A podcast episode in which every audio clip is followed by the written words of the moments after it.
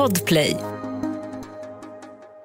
Innan vi börjar så vill vi berätta för dig att hela säsongen finns att lyssna på helt gratis på podplay.se eller i podplay-appen. Vill du komma med förslag på historiska händelser så skriv till oss på vårt Instagramkonto om det var du. Du följer de två australiensarna hack i häl. Ni vandrar genom djungeln. Samma led som du bara för en stund sedan tog dig upp för. Du sprang för ditt liv. Nu tar du dig ner igen. För Mikas liv. Svetten klibbar mot hyn. Vinden viner lätt i trädtopparna. Som ett dämpat viskande mellan bladen. När ni når gläntan där ni lämnade bilen möts du av en katastrofal syn. Överallt ligger skadade människor på marken. En del skriker och våndas av smärtor. En del tittar bara ut i tomma intet. Medan andra ligger med slutna ögon. Om de lever eller inte kan du inte avgöra. Det är som att känslorna pausas när chocken av synen tar vid. Ditt fokus riktas bara på en enda sak. Att hitta Mika. Du får inte börja tänka. Börjar du tänka så kommer känslorna. Och med dem rädslan och tvivlet. Rädslan över att faran inte är över. Tvivlet över att Mika inte är vid liv längre.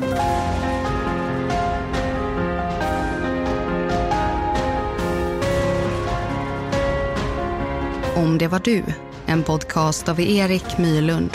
Manus är baserad på faktiska och tidsenliga detaljer samt vittnesberättelser, men fiktiv i den bemärkelse att du själv blir huvudperson i en av historiens mest omskakande händelser. Till det här avsnittet har vi fått hjälp från Anna William Olsson som var på plats när vågen slog in över land. Avsnittet bygger på hennes iakttagelser. Bearbetat av Erik Myrlund och Josefin Måhlén.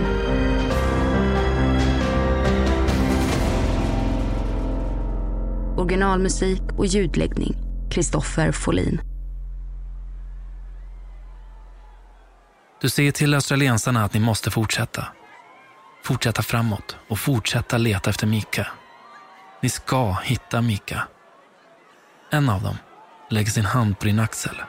Han tittar bekymmersamt på dig och säger att hittar vi inte din vän här så är risken stor att det är för sent och att det inte finns något du kan göra. Men du vägrar ge upp nu. Eller borde du ge upp? Tvivlet växer i din kropp och du känner hur du mer och mer börjar låta dina känslor ta över. Plötsligt registrerar ditt undermedvetna något bekant. En blommig skjorta. Vart har du sett den förut? Passerande människor skymmer sikten medan du sakta försöker få syn på vem ägaren till skjortan är. Allt för att stilla den nyfikenhet som skjortan skapat. Du försöker få syn på ansiktet. Du sliter dig fram tills du plötsligt får syn på ägaren till skjortan. Det är er granne. Han som bodde i bungalowen intill. Han sitter på marken med trasiga badshorts och med sår i ansiktet och över armarna. Du ska precis börja röra dig i riktningen mot mannen när du hör någon säga ditt namn.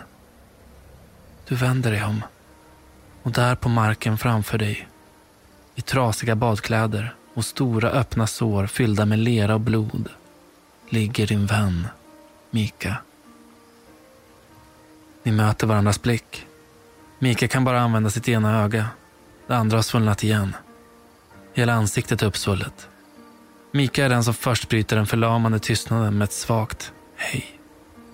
Din syn blir vattnig av de tårar som väller fram.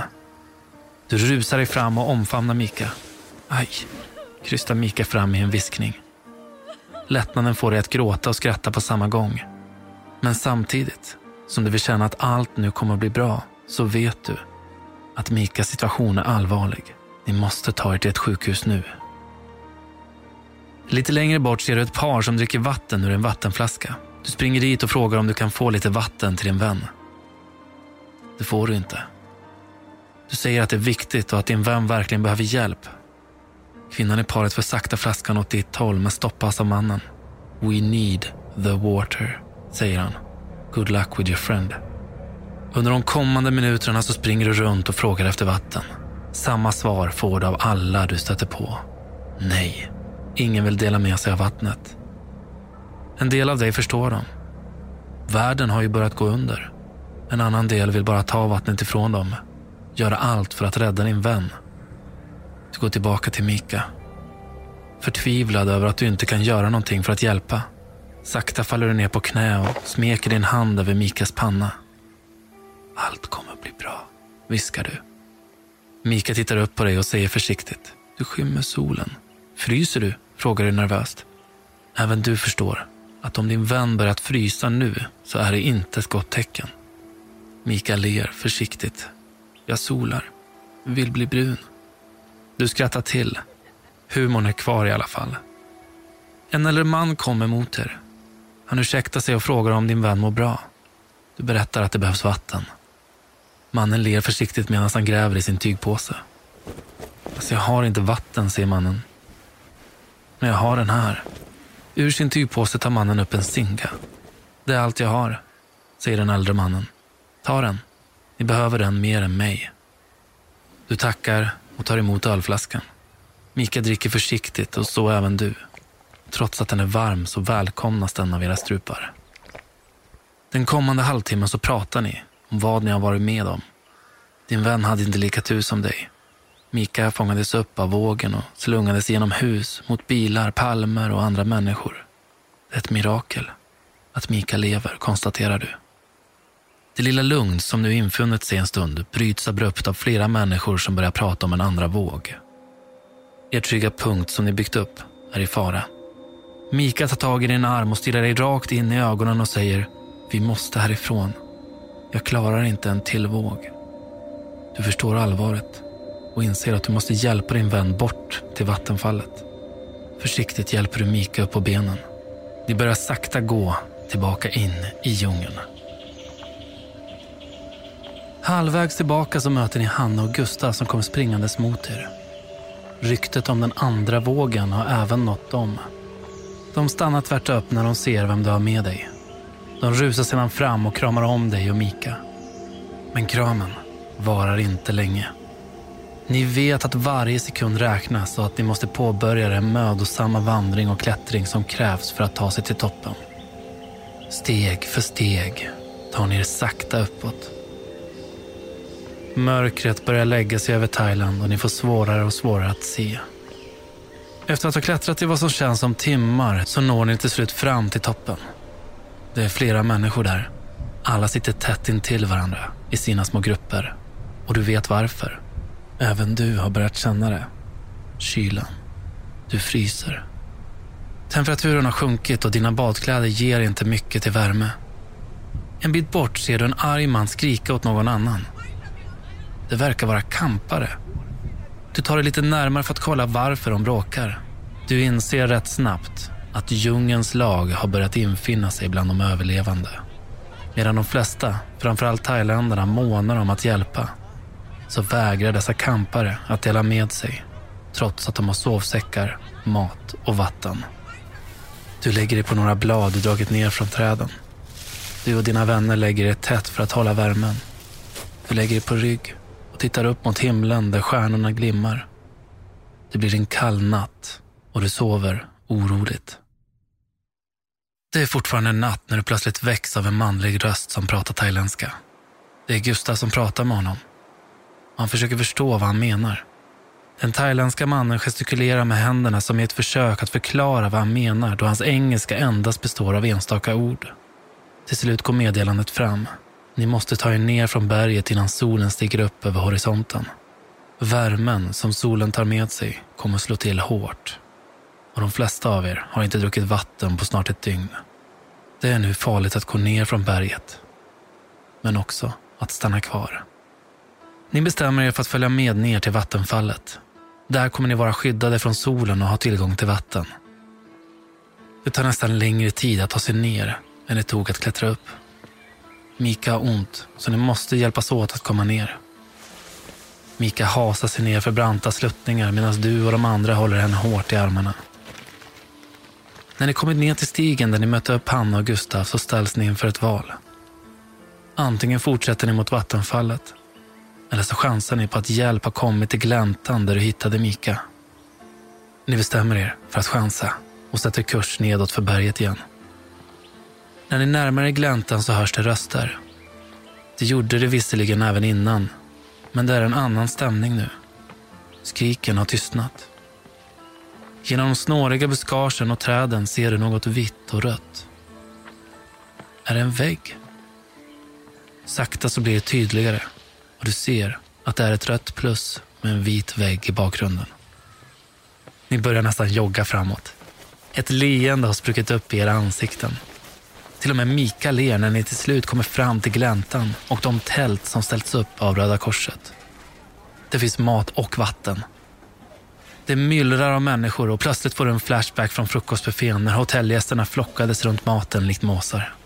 Enda skillnaden är att nu tar man inte bara det man ska ha för att mätta magen tillfälligt. Man hamstrar. Och det gör även ni. En stor lastbil med militärer dyker upp och ni erbjuds skjuts till närmsta sjukhus. Takuapa Hospital. Ni åker ner mot byn och en syn så svår att begripa uppenbarar sig. Byn är i stort sett borta. Vågen har tagit allt i sin väg. Och de hus den inte lyckas rubba har den kört igenom en sådan kraft att ingenting finns kvar inuti. Det är som om tusentals bomber exploderat och allt bråte har kastats upp i luften för att sedan få falla ner igen. Längs vägen så är det leriga högar med vita små trädstammar. De ligger nästan uppradade, som om någon har lagt dem på hög längs vägen. Du uppmärksammar dina vänner om det. Vad märkligt, hinner du tänka, när du plötsligt känner hur Mika tar tag om din käke och vrider ditt ansikte bort från trädstammarna. Det där är inga trädstammar, säger Mika. Det är människokroppar. Överallt ligger det kroppar och bland dem så letar mammor och pappor efter sina barn. En äldre man letar efter sin fru. Ett syskon gräver efter sin syster i den hög av bråte de tidigare kallat sitt hem. En gammal tant irrar förvirrat runt och kan inte förstå vad som har hänt. En blodig kvinna sitter apatisk i sina badkläder längs trottoaren. Det är för många bilder som etsar sig fast på din näthinna. För många intryck. Men du håller en hård snara runt dina känslor. För du har inte tid att bryta ihop. Men du kommer att göra det. Men inte än. När ni anländer till sjukhuset Takuapa Hospital så är det kaos. När ni hoppar av framför entrén så möts ni av cirka 20 sjuksköterskor i kritvita kläder och hattar som närmast kastar sig på er för att hjälpa er. Ni leds mot entrédörren och du skymtar att de byggt provisoriska tält utanför. Där ligger flera thailändare. Skadade. När ni kommer in däremot så är det i stort sett bara turister. En sköterska slänger fram kläder. Säkert från någon annan som inte längre behöver dem. Men det gör som sköterskan säger utan att reflektera mer på det. Det ligger människor överallt. På sjukhussängar, britsar, skrivbord, på golvet. Golvet som är nedsmetat med jord och blod. Du är fortfarande barfota. På väggarna sitter bilder från människor som letar efter sina anhöriga. Inga personnummer har tagits, utan folk har bara forslats in på sjukhuset. Det är flera barn här, tänker du. Vart är deras föräldrar? Är de vid liv? Och om de är vid liv, hur ska de kunna hitta sin mamma och pappa? Mamma och pappa, tänker du. Det går upp för dig att du inte pratat med dem. Ett och ett halvt dygn har gått sedan vågen slog till och världen lamslogs av nyheten. Du inser att din mamma och pappa nog letar efter dig och har inte hört ett ljud mer än det som nyheterna i Sverige informerat om. Efter att ha frågat runt en stund så får du till slut tag på en satellittelefon. Med darrande händer så knappar du in telefonnumret hem. 0046. Vem skulle du ringa? Vad säger du när den du älskar svarar? Hur skulle de reagera av att höra din röst efter oändlig tid av väntan och oro?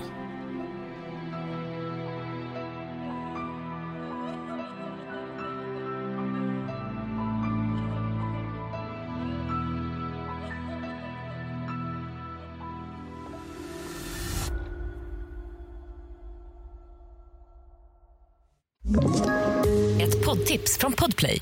I podden Något Kaiko garanterar östgötarna Brutti och jag, Davva, dig en stor dos skratt.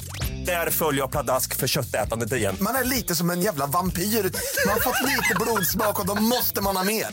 Udda spaningar, fängslande anekdoter och en och annan arg rant. Jag måste ha mitt kaffe på morgonen för annars är jag ingen trevlig människa. Då är du ingen trevlig människa, punkt. Något Kaiko, hör du på Podplay. Därför är gardinerna. Efter att ha pratat med dina föräldrar så kommer du tillbaka till de andra. Du informerar att allas nära kommer få positiva besked inom kort. Mika har fått en stelkrampsspruta och en första koll. Såren är så pass nerkletade att de inte går att sys riktigt än. Du och Gustav går ut för att ge plats åt den hårt arbetande personalen.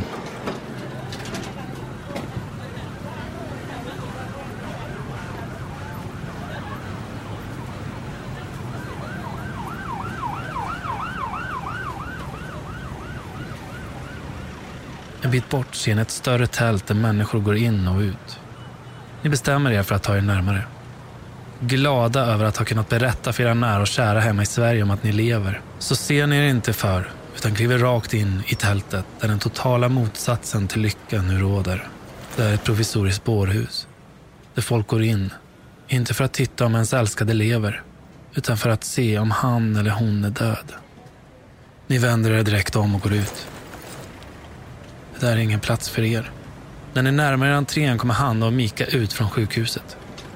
De har träffat den svenska ambassadören Jonas Hafström. Han har gett er orden om att ta er till Bangkok. Ni får skjuts av en thailändsk volontärarbetare med bil och tar er mot flygplatsen. Längs vägen ser du återigen människor som fortsätter att leta efter sina anhöriga. En del gräver med sina bara händer. De har förlorat allt. Utom hoppet. Framme på flygplatsen så armbågar ni er fram för att komma åt biljetter. Alla gör det. Alla vill lämna. Alla vill hem. Hanna lyckas mirakulöst nog få tag på biljetter. Under resan upp mot Bangkok så är det alldeles tyst. Det är som om ingen riktigt förstår vad som har hänt. Eller så förstår man vad som har hänt, men man är tom. För att man mist någon eller sett saker som man aldrig i sin vildaste fantasi trodde man skulle få se eller uppleva. Väl framme i Bangkok kliver ni in på terminalen. Det är som att tsunamin aldrig ägt rum. Folk har rena kläder på sig, kostymer, fina hårfrisyrer och smink. Barn skrattar och leker. En dansk ambassadkvinna kommer fram och säger välkommen hem. Hem, tänker du. Det är långt hem.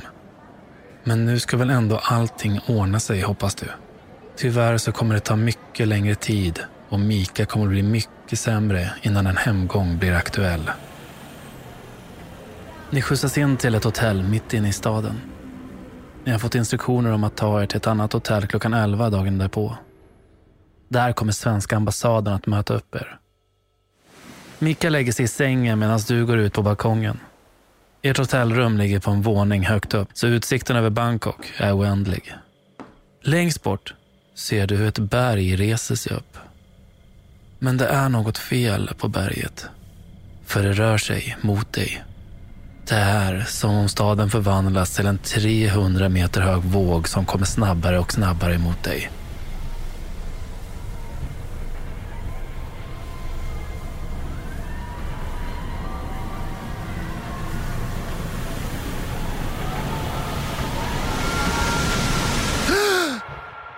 Vaknar till av ett tryck. Utmattningen har gjort att du svävar mellan att vara vaken och djupt inne i drömmarnas värld. Du stapplar in till Mika och lägger dig ner. Innan du somnar så lägger du din hand över Mikas panna. Den är varm. Febern har anlänt. På något sätt blir det morgon igen. Du vet inte om du sovit eller inte. Ni bestämmer att Hanna ska stanna med Mika medan du och Gustav tar er till mötet med svenska ambassaden. Ni har inga pengar, men tar ändå en taxi. Ni litar på att svensk personal kommer att finnas på plats och hjälpa till. Det måste de väl ändå göra? Du tittar ut över de gator ni passerar när ni tar er genom Bangkok. Solen skiner och det ser ut som en helt vanlig dag för invånarna. Barn leker i parker, vuxna är på väg till jobbet och marknadsstånd där det säljs snabbmat. Ni kommer fram till hotellet och hänvisas ner till ett konferensrum. Där inne sitter cirka 40 andra svenskar. Ingen har rena kläder. Allas blickar är tomma. Alla väntar på svar. Efter en stund kliver en man från den svenska ambassaden fram och ställer sig på en scen framför er. Han kliar sig lite i huvudet och välkomnar er. Äntligen ska ni få information på hur ni ska ta er hem. Med varken pass eller pengar så behöver ni all hjälp ni kan få. Ja, säger mannen. Jag vet inte riktigt vad jag gör här eller hur jag ska hjälpa er. Hela lokalen drar efter andan. Vad menar han? Mannen fortsätter. Ni får nog vända er till er resebyrå för att få hjälp att komma hem. Alla sitter knäpptysta. Vad är det som händer? Får vi ingen hjälp? Plötsligt ställer sig en man upp. Med sig har han sin åttaåriga son. Det här är min son, säger han. Jag har letat efter hans bror och mamma i två dygn. Jag har inte ätit eller druckit och vårt hotell är i småsmulor. Och du tycker att jag ska vända mig mot resebyrån. Mannen från ambassaden är fortfarande rätt kall. Han erbjuder sen att låna pengar av ambassaden för att resa hem. Han säger också att det inte går några flyg förrän 2 januari. Nu börjar fler och fler röster om borttappade familjemedlemmar och vänner att höras. Du brister. Gustav ser det och tar med dig ut från konferensrummet och upp till receptionen igen. Du hyperventilerar. Det kan inte vara sant. Hur kan inte vi få hjälp? Plötsligt bryts allt av att en man ställer sig framför dig och säger Men det är ju du. Med tårfyllda ögon och förvånad blick så står du nu tyst och stirrar på mannen. Du räddade oss, säger mannen och ler mot dig. Även han med tårfyllda ögon. Han ser att du inte riktigt hänger med och fortsätter. Ja, vi stod i receptionen på hotellet när du sprang förbi. Du uppmanade alla att springa. Och det gjorde vi. Tack. Du omsluts av en kram från mannen och vad som troligen är hans fru. De gråter. Du gråter. De skrattar. Och du skrattar. I en omöjlig form av känsloblandning så står du där och kramar två främlingar. Och skrattar och gråter. Och gråter och skrattar. När de sedan går till konferensrummet så tänds en gnista i dig. En gnista som blir till ren och skär ilska. Du går fram till receptionen och kräver att få låna telefonen. Det får du. Du ringer hem till dina föräldrar och efter några signaler så svarar din mamma. Besviken och upprörd så säger du åt din mamma att kontakta alla tidningar och berätta om hur ni slussas runt och inte får någon hjälp. Och att ambassaden endast hänvisar till reseledare och resebyråer. Den senaste reseledaren du såg var kvinnan du mötte när du flydde från vågen. Hon som gick ner för backen för att se vad alla flydde ifrån. Du förklarar för din enormt oroliga mamma att du måste lägga på. Det är fler som behöver ringa oroliga släktingar där hemma. Du fattar att det här inte är lätt för varken henne eller pappa. Nere i konferensrummet har en kö bildats. Där får man låna 5 000 kronor per person. 5 000. Vad ska det räcka till? Med en polaroidkameras hjälp, två fingeravtryck och en stämpel så skapas ett provisoriskt pass. Du får även två blanka papper med varsin stämpel på till Mika och Hanna. Ni tar er till slut tillbaka till hotellet igen. Väl tillbaka så får ni veta att Hanna har lyckats hitta resor till Frankfurt och att hennes föräldrar kommer att lösa biljetter mellan Frankfurt och Stockholm. De har även varit i sjukhuset där de tvättat rent Mikas sår och skaffat ett flygintyg. Bara några timmar senare kliver ni ombord ett flygplan som ska ta er till Europa. Ombord så är ni de enda passagerarna som varit med om vågen. Medan du går längs gången i planet så ser du hur blickar från andra passagerare riktas mot er. De du får ögonkontakt med nickar medlidande. Ingen av dem har upplevt det ni har upplevt. Men liksom er har de det senaste dygnet lärt sig det japanska ordet tsunami. Omkring 225 000 människor miste livet under en av modern tids största katastrofer. Av dem var 543 svenskar. Vi vill tacka dig, Anna, för att vi har fått berätta en historia som bygger på dina iakttagelser och upplevelser från denna händelse som på något sätt drabbade oss alla.